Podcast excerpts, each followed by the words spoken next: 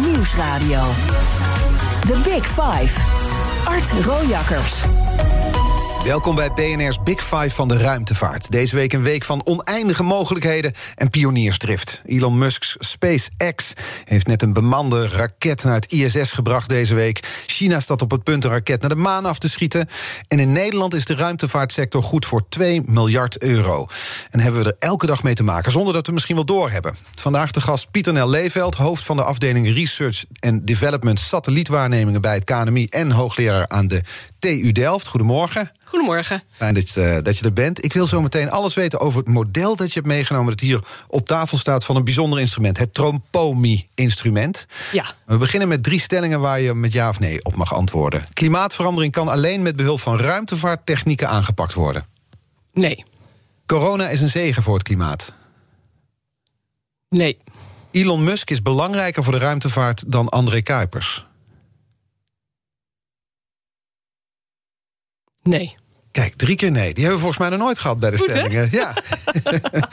we, gaan wat anders. ja, we gaan ze allemaal nalopen hoor. Want ik ben wel benieuwd hoe je tot de nee's komt natuurlijk. Maar laten we eerst beginnen met tropomi. Want dat woord gaat veel vallen dit uur. Wat is tropomi? Topomi, dat is een eh, instrument waarmee we luchtkwaliteit kunnen meten. En, eh, en ook eh, broeikasgassen. Het belangrijkste, twee na belangrijkste broeikasgas methaan. En we meten ook de ozonlaag ermee. En de ozonlaag beschermt ons tegen heel agressieve UV-straling... waar we huidkanker van krijgen. Ja, en er staat hier een schaalmodel hier op, in de studio. Het is een, ja, een, een rond... Nee, nee, nee, wat is het? Een achthoekig? Zeshoekig? Eh, ja, het is zes Satelliet. volgens mij. Ja, Dus de even hele satelliet. En erop Ja. zit het, staat het instrument. Ja, en daarbovenop staat dus het instrument. Is eigenlijk, ja, moet het zien als een grote spiegel die zonlicht opvangt? Moet je het zo bekijken? Of hoe, hoe zou je het zelf omschrijven? Ja, het is een, eh, we gebruiken zonlicht. Het zonlicht gaat, eh, straalt naar de aarde. En wordt dan gereflecteerd aan het aardoppervlak. En ook verstrooid aan de atmosfeer. En dat gaat terug omhoog. En dat kan het satellietinstrument ja, meten en ontvangen. Ja. En het is eigenlijk een spectrometer. En dan, eh, wat je dan doet, is eigenlijk dat, dat licht uitrafelen in alle regenboogkleuren. En al die verschillende kleuren licht kunnen wij informatie uithalen. Nou, zijn er vier gasten hiervoor gegaan deze week. Die gaven alle vier buitengewoon hoog op over het Tropomi-instrument. Nou, dat is leuk natuurlijk. Ja, het wordt gezien als iets heel echt bijzonders. Als een, als een doorbraak. 2017 ging, ging het naar boven. Ja. Wat maakt het Tropomi-instrument zo bijzonder? Eh, nou, het instrument eh, is in staat om in eh, extreem hoge, dat noemen wij ruimtelijke resolutie, de hele atmosfeer elke dag te meten. En we meten dan eigenlijk pixelgroottes van 3,5 bij 5 kilometer op het aardoppervlak. Elke dag, de hele atmosfeer. Dus het zijn ongeveer 20 miljoen metingen per dag.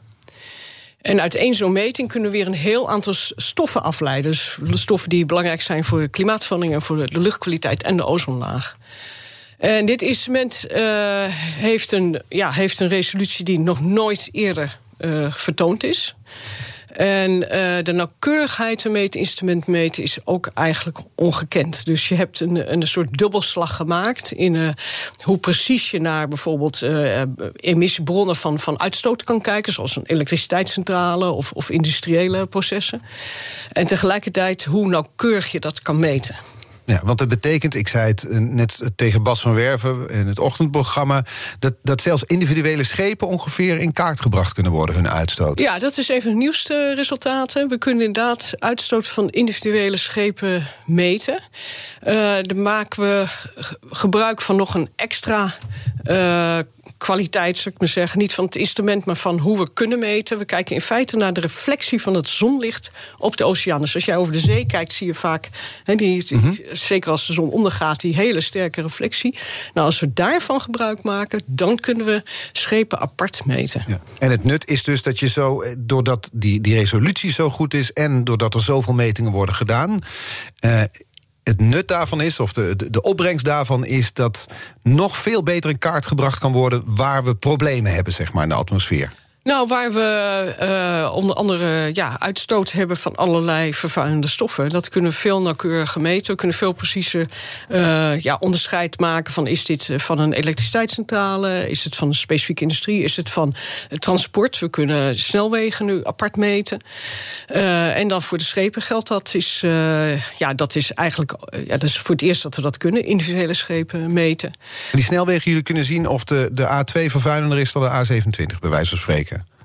Uh, ja, dat, dat soort verschillen zouden we kunnen zien. Maar dat is uh, in Nederland iets lastiger. Want we hebben zoveel bronnen. Zoveel snelwegen. Uh, bij elkaar. Dat, dat je daar wel een iets langere analyse voor moet doen. Maar bijvoorbeeld in de coronatijd zijn er metingen vrijgegeven boven China. Of heel van analyse daarvan.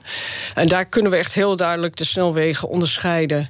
De, ja, van andere, andere vervuiling. En dan zie je duidelijk een verlaging van de vervuiling op de snelwegen. door ja, door de lockdown in zekere zin. Ja, nou ging deze echte tropomi, waar hier het schaalmodel dus van staat, draait nu in een baan om de aarde. Maar ging eerst de hele wereld over voordat hij naar boven ging, hè? Ja, had zo'n klein rondje gemaakt. Ja, dat klopt. Een wereldtour. Dus het, nou, het was meer een Europese tour. Nou, Europese maar tour. Uh, ja, kijk, in Europa werken we. De ruimtevaart is eigenlijk een heel internationaal vakgebied. Dus we, wij werken internationaal samen. En in Europa doen we dat uh, meestal met de Europese Space Agency. En dat is in dit geval ook zo. Dus ja, het instrument wordt voornamelijk gebouwd in Nederland. Dan wordt er een vibratietest, een belangrijke test voor lanceringen. Wordt het ding helemaal door elkaar geschud. Dat is meestal niet, niet de meting waar je graag naar kijkt. Als, nee? dan, dan wordt de baby zo, nou, ja, als het allemaal maar goed gaat. Ja, dat is wel eng, eng om te zien. Maar dat gebeurt, ik geloof dat de vibratietest, dacht ik, dat was in Duitsland. En dan is de eiking van het instrument, dat is in België weer plaatsgevonden. In Frankrijk waren er weer andere testen. In Engeland werd die op de satelliet geschroefd. Nou, toen ging hij naar Rusland. Eh, eerst met het vliegtuig, dan nog met de trein naar dat hele afgelegen gebied voor de lancering. Dus ja, die had een hele wereldtour de rug. Ja, ja was wel toen een, een, een, tijdje uitrust in de ruimte. Ja, nou, dat kan hij nu lang doen. The Big Five. Art Rojakkers. Deze week vijf kopstukken uit de wereld van de ruimtevaart. Eerder deze week sprak ik onder andere met sterrenkundige Vincent Ikke... en astronaut André Kuipers. En vandaag de gast Pieter Nel Leeveld van het KNMI... en hoogleraar aan de TU Delft. En die tropomen die werd dus uiteindelijk vanuit uh, Rusland gelanceerd. Was je er eigenlijk bij? Nee, we waren op uh, eh, ECS-Tech in Noordwijk. Hoe is dat om zo'n moment mee te maken? Nou, dat, was wel heel spannend. Uh, het is, was mijn tweede lancering. Ik heb ook de lancering van, uh, van het eerste instrument OMI meegemaakt. Ja, dat is de voorganger, de OMI. De voorganger, ja, die meet ook nog steeds. Bij NASA is die gelanceerd.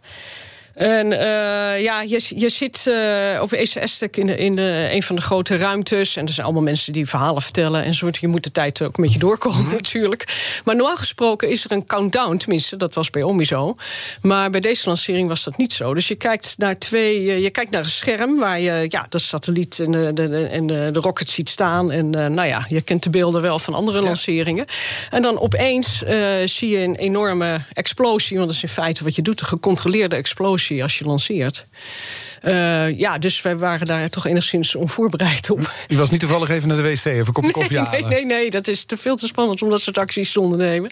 En, uh, ja, en dan is natuurlijk de vraag: van, ja, is de explosie inderdaad gecontroleerd of, uh, of niet? Maar het is heel erg goed gegaan. We hebben een uitstekende lancering gedaan. Maar het is heel, heel, heel erg spannend. Want je hebt tien jaar hieraan gewerkt, hè? En uh, ja, de lancering blijft toch het grootste risico in zo'n project. En uh, ja, dat moet wel goed gaan. Mm -hmm. En dan duurt het even na zo'n lancering, want jullie hebben er tien jaar aan gewerkt, dan duurt het ook nog even voordat de eerste metingen binnenkomen. Een maandje volgens mij? Ja, in dit geval duurde dat een maand. Dat komt ook omdat we het instrument willen, willen uitgassen. Dus allerlei vuil, wat misschien bij de lancering of transport op het instrument is gekomen, proberen we zoveel mogelijk kwijt te raken. En doen we door het instrument wat op te warmen. En dat doen we een maand. En daarna gaat het instrument. Hoe, hoe, warm je dat op dan? Hoe werkt dat? Nou, je hebt gewoon. Zet je dan de verwarming aan? Je, je, zit gewoon. Er zit natuurlijk allemaal power en eh, energie en elektriciteitskabels. En uh, we controleren ook de temperatuur van het instrument. De detectoren staan uh, ja, onder nul, ver onder nul. Mm -hmm. de bepaalde detectoren staan op min 80 graden Celsius. bij het opwarmen natuurlijk niet. Dan breng je alles wat hoger. En dan ben je, kom je een deel van, de, van het vuil raak je dan kwijt. Want omdat het te warm wordt, dan laat dat los? Ja. Ja, maar als je koelt naar min 80, ja, dan, uh, dan, gaat, dan, dan wordt heel veel vuil natuurlijk ook vast. Ja. en dan zometeen zit het op je optiek of uh, op je detectoren. Dus we gaan eerst een beetje opwarmen en daarna gaan we heel koud. Ja, dus eerst gaat een maandje de verwarming aan, daarna koelt het af... en dan Ja. na een maand komen dus die eerste metingen Ja, binnen. ja, dat is fantastisch. Ja, vertel eens over dat moment. Ja, nou, we kregen de eerste metingen. We, koelden, we gingen de detectoren koelen. En, eh, en we kregen de eerste metingen binnen. Eerst, wat je eerst naar kijkt, is eigenlijk een soort beeld. Als jij ook ziet uit het Internationale Space Station, zoals André dat ziet. Hè. Dus hier, we kunnen pakken dan eigenlijk drie kleuren van dat instrument. En daar kunnen we eh, oceaan, aarde en wolken. Dat kunnen we dan direct onderscheiden. Dat is de eerste check. Hè, en dan zie je ook of je, of je de aarde juist ziet en of je alle parameters goed hebt gesteld. Hè. Dus eh, ja, dat je de geolocatie, eh, waar je precies kijkt, dat je dat allemaal goed hebt. Zou dat niet zo zijn, is het dan, dan is het nog wel bij te stellen, mag Ja, ja, ja, dat kunnen we allemaal. eh, ja. Dat kunnen we allemaal vanaf de grond weer. eh, Dat Ja. zijn eigenlijk de algoritmes die we zelf schrijven. Dus dat kunnen we corrigeren. Ehm, maar de- toen gingen we binnen 24 uur al de echte eerste eh, meting doen aan de stikstofdioxide. Dat is een luchtvervuilende stof die vrijkomt bij fos- fossiele verbranding. Dus eh elektriciteitscentrale, industrie en verkeer, transport. En eh, ja, die kreeg gewoon binnen 24 uur binnen. En dat is echt, dat met Omi was dat echt absoluut niet zo. En toen zagen we dus echt luchtvervuilende pluimen. Dus we zagen de vervuiling uit Amsterdam over de Noordzee uitspreiden, omdat we zuidoostenwind hadden bij die meting. En eh, ook uit Rotterdam. En, en die pluimen, dit hadden we nog, dat hebben we nog nooit gezien. Dat is, dat is nieuw. Met OMI kon dat niet, want die ruimtelijke resolutie was niet voldoende.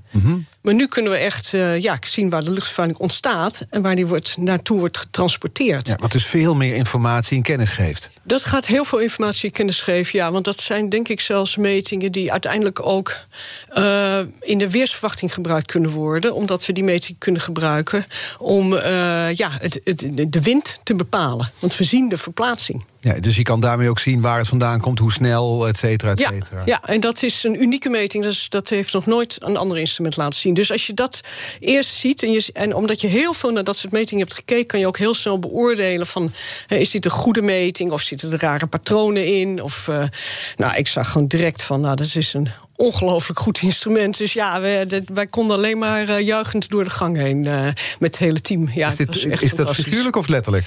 Nou, we zijn natuurlijk wel een beetje eh nerds, zou ik maar zeggen. Ja, dus er werd wel gerend door de gang, maar niet gejuicht. Ja, maar nou, het was wel echt een groot feest, ja. Ja. ja. En tegelijkertijd dacht ik, we hebben al zo lang satellieten in een baan om de aarde. We houden onze aarde al heel lang in de gaten. Dus wat, ja, wat, wat maakt dit dan zoveel nieuwer, zoveel beter? Nou, het, het, is wel, het is zeker zo dat we de aarde al heel lang in de gaten houden met satellieten. Maar dat doen we. eh, we zijn eigenlijk begonnen met eh, dingen te meten voor het weer. De weersverwachting. Dus als je kijkt naar de weersverwachting, dan is 80% van de metingen die nu voor de weersverwachting wordt gebruikt, komt van satellietwaarnemingen. Dus, en dat is temperatuur, druk, wind, regen, neerslag, wolken, nou ja, dat, werk. Maar ik kijk naar de chemische samenstelling van de atmosfeer. En eh, dat zijn eigenlijk metingen die we al veel minder lang doen. Daar zijn we eh, ja, korter mee bezig. En eh, we hebben nu voor het eerst gaan we nu een systeem bouwen. Daar is ESA mee bezig. En Tropomi is daar de eerste van. Om echt die, die metingen altijd voor te zetten. Dat is ook belangrijk voor het klimaat, voor klimaatverandering. Maar natuurlijk ook voor de luchtkwaliteit. Want we doen nu eigenlijk ook een soort chemische weersverwachting inmiddels. Ook op basis van deze metingen. Zodat we ook. Chemische? Ja, dat is een, een luchtkwaliteitsverwachting. Dat noemen wij ook wel chemisch weer. Ja? dus je kan, dan kun je voorspellen hoe de vervuiling ergens tijdelijk ja, zal zijn. ja. Ja, dus ongeveer drie tot vijf dagen vooruit kan dat. Er worden ook deze metingen voor gebruikt, maar ook grondmetingen. Er wordt van alles voor gebruikt en modelling, net zoals in de weersverwachting. Dezelfde technieken. En heel even dan, ja, wat, wat hebben we daaraan? Dan weet ik dat het over drie dagen chemisch gezien slecht weer is in Amsterdam. Ja, daar zou je natuurlijk uiteindelijk, eh, als je last hebt van je luchtwegen of zo, kan je daar natuurlijk rekening mee houden. Dan ga ik, stap ik in de auto, ga ik de boel vervuilen om naar, eh, weet ik het, naar Maastricht te rijden. Ja, misschien moet je gewoon niet naar buiten dan, maar dat is ook een optie. Ja, ja, ja. ja. En eh, ja, het andere wat we kunnen, wat dit instrument echt gaat geven, is. ehm, we kunnen veel beter de bronnen van die vervuiling meten. En eh, daar, is die, daar is dit instrument eigenlijk een paradigmaverandering in. Vanwege die ruimtelijke resolutie. Wij, wij, wat we nu gaan doen met deze metingen, is dat we eigenlijk altijd ook bij interpretatie lo- lokaal contact gaan zoeken met andere wetenschappers. om echt goed te kunnen duiden, wetenschappers die in dat gebied wonen. Wat is daar aan de hand? Wat is daar aan de hand? Want je komt nu op een niveau terecht. Hè, we kunnen nu die schepen meten. Uh, we zien de grote effecten van de lockdown op de luchtkwaliteit. We kunnen uh, reguliere olie- en gaswinning meten, methaan lekker daarin uh, vanuit de satelliet. En dat, dat is, het komt veel meer down to earth in zekere zin. Hè? En dat, is, dat is wat we met, met OMI nog net niet konden. Dat heeft te maken met de ruimtelijke resolutie. maar daarom vind ik het wel interessant. De eerste stelling was: klimaatverandering kan alleen met behulp van ruimtevaarttechnieken aangepakt worden. Ik dacht, ja, dit is, Tropomi is daar een voorbeeld van. Maar toch zei je nee. Ja, nee, dat, dat, uh, kijk, we hebben daar uh, klimaatverandering. Natuurlijk, als je klimaatverandering echt wil aanpakken, is het, is het belangrijkste wat je moet doen, is de uitstoot verminderen. En je kan honderd satellieten in de lucht hangen, maar wat je moet doen is de uitstoot geval, verminderen. Tropomi kan in ieder geval aantonen dat het effect heeft. Ja, we kunnen. Ik denk wel dat dit instrument en ook de, de opvolgers van dit instrument uh, en de CO2-missie waar ESA mee bezig is, die zullen wel belangrijke informatie gaan leveren over van, nou ja, stel we gaan de uitstoot verminderen. Hè, uh, zijn we daarin ook effectief? En dat kan je met een satellietinstrument wel. Dus het is we wel komen een belangrijk nu, instrument. In ja, maar het is niet het enige instrument. Nee. We hebben ook heel veel grondmetingen, die hebben we ook echt nodig. Mm -hmm. uh, en ook de hele modellering om het plaatje compleet te maken. Maar wat een satellietinstrument brengt in dat domein, is dat je één instrument hebt wat de hele wereld meet. En dat betekent wel dat een, een discussie over van ja, maar hoe goed heb jij je instrument geëikt, daar ben je vanaf. Want je meet overal. Die andere stelling wil ik dan toch ook nog even nalopen. Corona is een zegen voor het klimaat. Was het antwoord ook nee op. Terwijl uit de metingen die Tropomi heeft gedaan... toch blijkt dat uh, de luchtkwaliteit er op heel veel plekken op vooruit ging. Ja, nee, dat, dat is zo. Maar uh, je, je, moet een onderscheid maken tussen. in die zin toch wel een onderscheid maken tussen luchtkwaliteit en, en klimaatverandering. Klimaatverandering uh, daar, die wordt voor een groot deel veroorzaakt door de toename van CO2. En methaan is dan twee na belangrijkste broeikgassen. Dus die twee mm -hmm. zijn eigenlijk het belangrijkste op dit moment. Uh, nou, de, de, de, lockdown heeft gezorgd voor een, een, een vrij korte afname van de emissies. Uh, voor luchtkwaliteit hebben we daar direct profijt van gehad, in zekere zin. Hè, want je hebt een tijd schone lucht ge, ge, geademd. En uh, ja, dat betekent ook uh, dat daardoor ja, mensen iets gezonder hebben geleefd een tijd. Maar als je naar CO2 kijkt, dat is een stof die zo ontzettend lang leeft, dat dat maar een hele kleine bijdrage heeft in de totale CO2. Daarvoor is de effect te gering. Is te gering, ja. ja. De gasten in dit programma stellen elkaar vragen via de kettingvraag. Gisteren was hier hoogleraar sterrenkunde Vincent Ikke te gast. Die uitzending is trouwens terug te luisteren, een, een aanrader. Uh, die had een vraag voor u, maar hij wilde beginnen met een compliment. Okay. Chapeau voor Tropomi. Ik ben, ben een grote fan van dat, van dat instrument en van de onderzoekers die het bedacht hebben en die ermee werken. Dat is werkelijk heel erg knap. Um, Kijk, Tropomi is iets als het ware een telescoop die naar de aarde kijkt, in plaats van een telescoop die het heelal in kijkt. Maar uh, toegepaste sterrenkunde is er dus ook. Hè. Dus tropomi is een vorm van toegepaste sterrenkunde... waarbij je niet omhoog kijkt, maar omlaag. Mijn, mijn vraag aan collega Leeveld is dus... Welke, welk astronomische instrument vindt u de voorloper van tropomi? Dat is de vraag. Ja, ik heb uh, dit besproken met de diverse sterrenkundigen ja, ja, ja. team. en uh, het was nog eens niet zo makkelijk te beantwoorden. Kijk, als je kijkt naar de meettechniek, de spectroscopie, het gebruik van uh, telescopen. Ja, dat, dat doen we zowel in de sterrenkunde als in de, in de aardobservatie. In die zin zijn we eigenlijk allebei toegepaste mm -hmm. gebieden. Zijn toegepaste spectroscopie in zekere mm -hmm.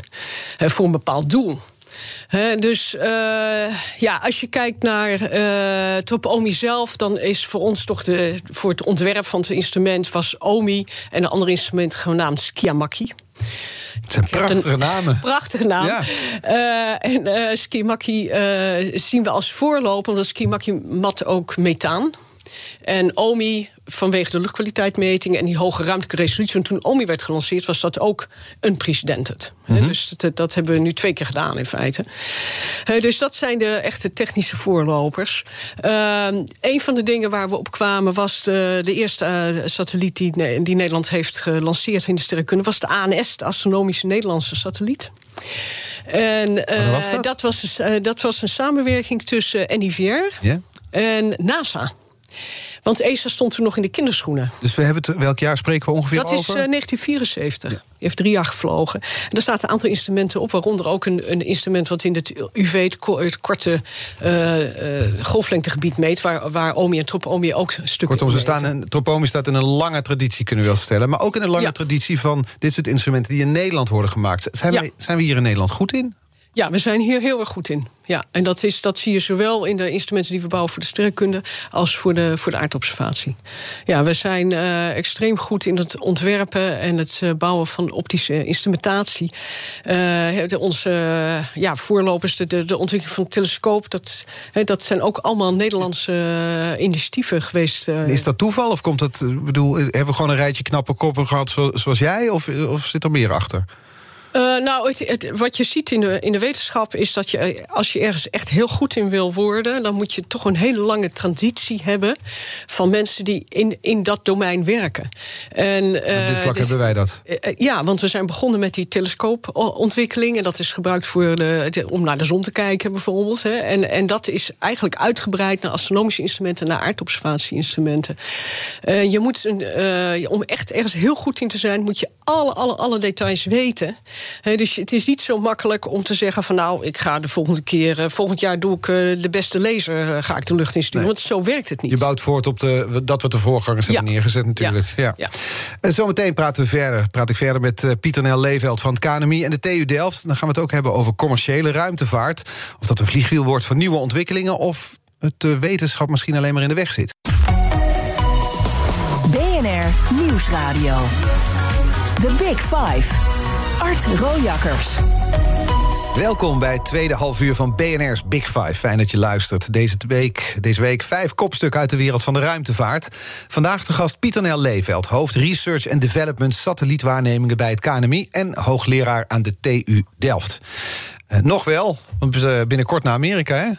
Ja, nou, binnenkort uh, er moet nog een visum aangevraagd. Maar ja. in de loop van volgend jaar ga ik naar Amerika. Zullen we het straks over hebben? Ik wil het eerst nog even hebben over Elon Musk. Want die heeft voor de tweede keer een bemande raket de ruimte ingestuurd deze week. Ze zijn bij het ISS aangekomen. Wat voegt die commerciële ruimtevaart toe, volgens jou? Ja, het is uh, in feite denk ik toch een, natuurlijke ontwikkeling. Uh, als je kijkt uh, naar ruimtevaart, is het natuurlijk heel innovatief. maar op een gegeven moment wordt, wordt kennis ook ja, common, wordt meer gedeeld, gemeenschappelijk. En je ziet vaak in dat soort processen dat er dan toch meer naar de uh, commerciële ontwikkelingen wordt gekeken om die basisinfrastructuur te gaan, uh, gaan leveren. En uh, ja, dat, dat zie je hier ook. Dus ik, het is iets waar NASA echt bewust op in heeft gezet. Ja, en zijn die, die ontwikkelingen, want dit is dus een bemande raket, maar zijn dit soort ontwikkelingen, commerciële ontwikkelingen, ook al zichtbaar in de nou ja, voor, de, voor de meetinstrumenten waarmee jullie werken? Ja, zeker. Ja, ja, dat is eigenlijk uh, ja, ook weer sneller gegaan dan, ik, uh, dan we hadden verwacht. Maar we hebben uh, een van de dingen die Tropomi heel goed kan meten, is, het, is methaan. Dat is twee na belangrijkste broeikasgas. En ehm, ja, daar zijn de metingen echt ongekend nauwkeurig en, en precies voor. Veel, veel beter dan we in eerste instantie hadden verwacht. Maar je ziet dus nu al commerciële instrumenten. Er is er al een die heet GHD-set, is in Amerika ontwikkeld. En dat is een instrumentje wat op, op veel hogere ruimtelijke resolutie kan meten, maar een heel klein gebiedje. Mm dus je ziet nu al ontwikkelingen van commerciële instrumenten, uh, zelfs voor methaan. Mm om, uh, omdat, ja, stel, uh, Tropomi ziet ergens een verhoging in methaan. En we kunnen dat nog niet nauwkeurig genoeg duiden, wat precies de bron daarvan is. Dan kan deze satelliet uh, die kan zijn, zijn, zijn spiegel daarop richten. En die meet dan heel veel hogere ruimtelijke resolutie nog dat specifieke punt op aarde. Ja, dus die, die uh, dus dat soort combinaties denk ik dat we meer gaan krijgen. Een combinatie van grote satellieten en kleine satellietinstrumenten. En die kleine satellietinstrumenten zitten enorm sterke ontwikkeling op het moment. Dus er is meer, er is innovatie ook vanuit de commerciële uh, ruimtevaart. Ja.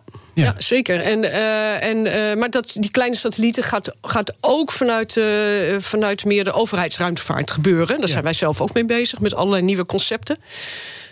hoe kleiner het instrument, hoe goedkoper het hele zaakje wordt. Mm -hmm. Uh, en dat betekent ook dat je meer risico kan nemen in dat soort projecten. Dus die kleine satellietinstrumenten die zorgen ervoor dat je bijvoorbeeld van tevoren toch iets minder test.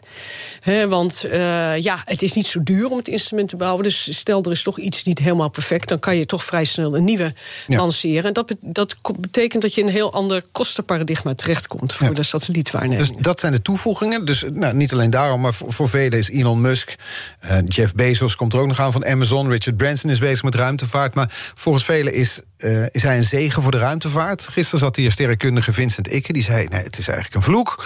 Want die, vooral die deken van satellieten die rond de aarde...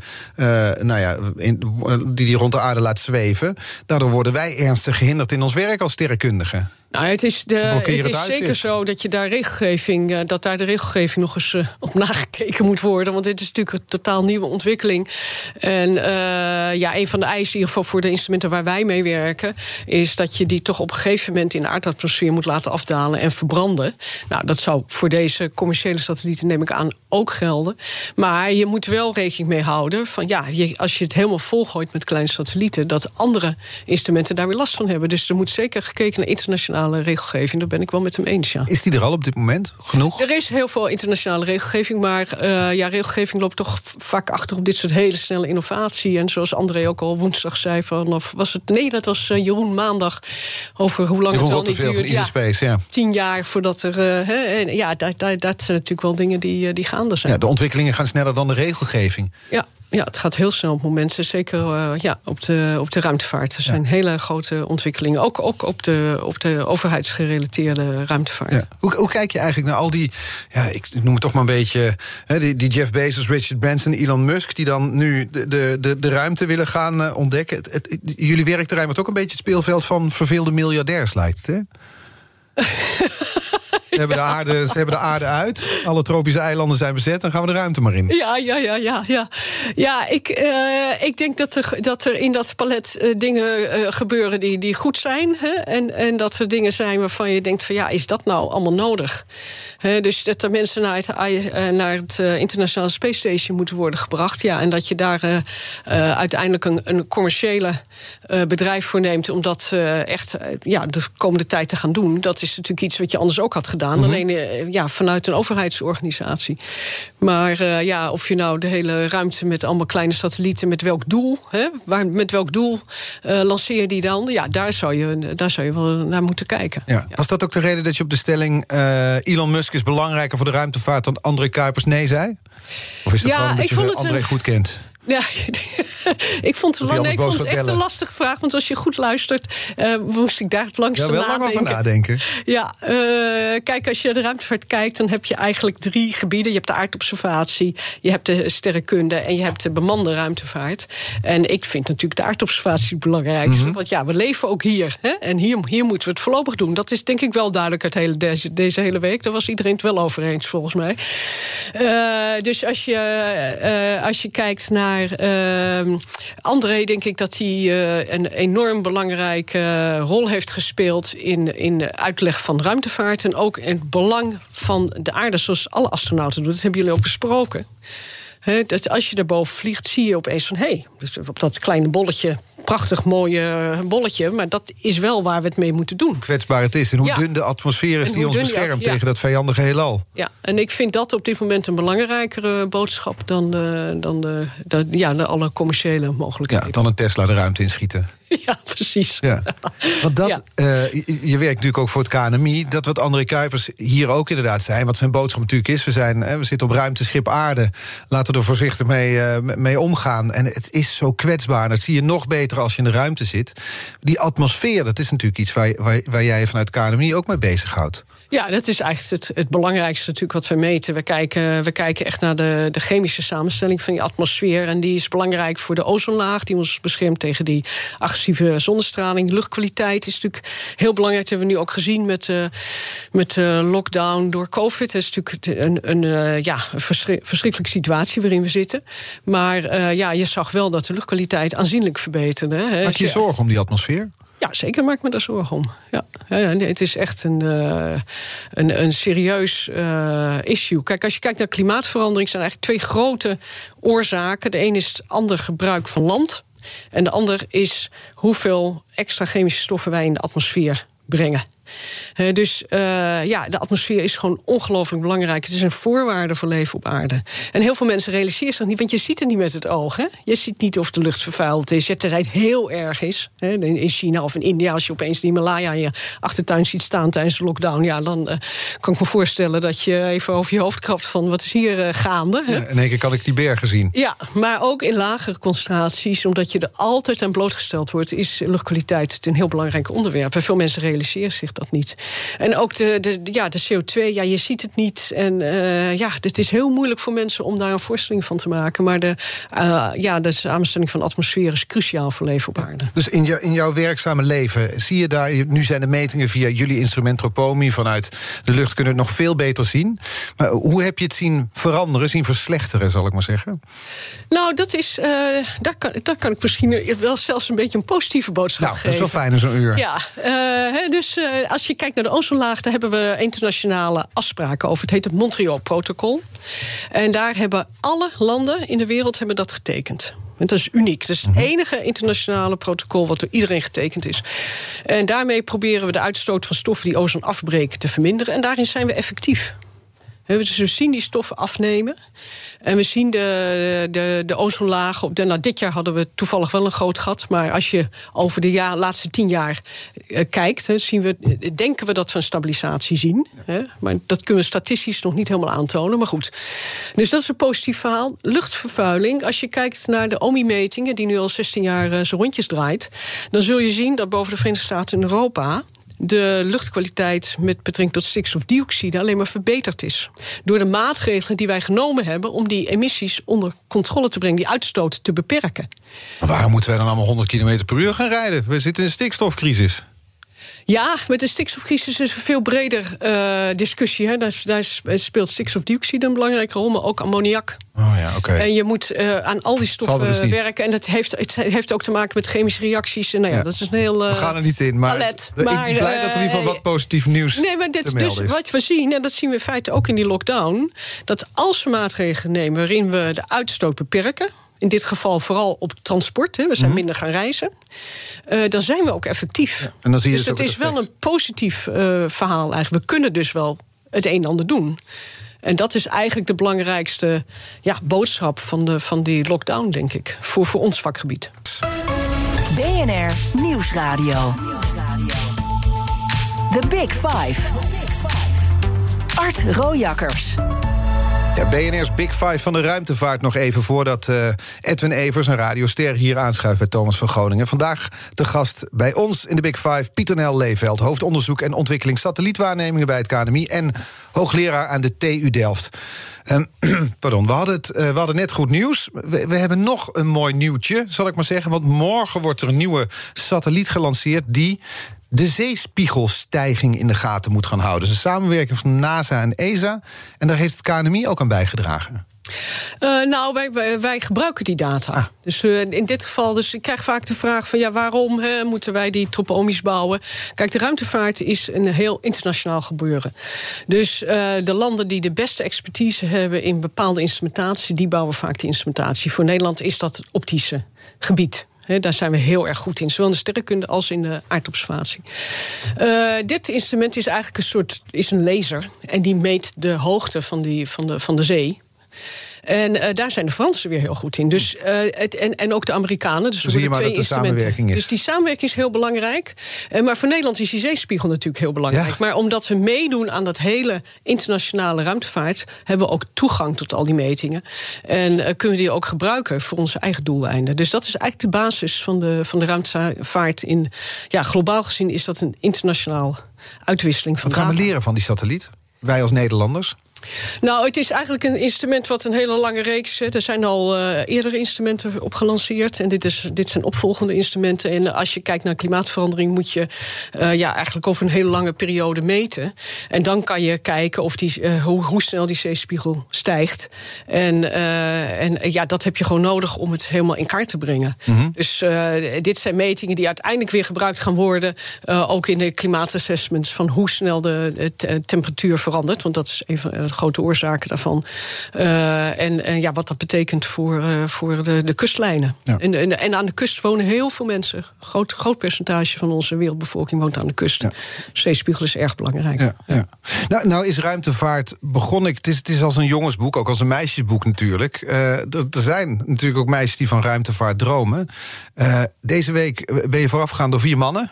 Uh, heb je in de loop der jaren het aantal vrouwen in je vakgebied zien toenemen? Uh, ik heb het aantal vrouwen internationaal zeker zien, zien toenemen. Dus uh, toen ik begon met OMI, was, ik was heel jong, 34.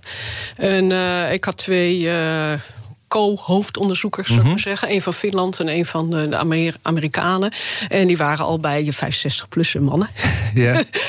maar nu heb ik twee vrouwen uh, als, als KPI voor OMI. Dus we zijn nu een female-led team. En dat is echt wel heel uitzonderlijk hoor. Ja. Uh, dus internationaal heb ik dat zeker gezien. In, in Nederland uh, nou, gaat het nog niet heel hard, moet ik zeggen. Hm.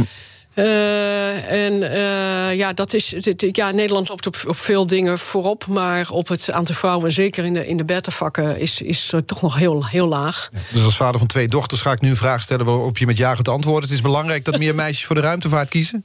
Ja, natuurlijk is dat belangrijk. Kijk, als je kijkt naar Frankrijk en Spanje en Italië, heel veel mensen realiseren zich niet, maar 50%, bijna 50% van de studie, studie, studenten in de exacte vakken zijn vrouw.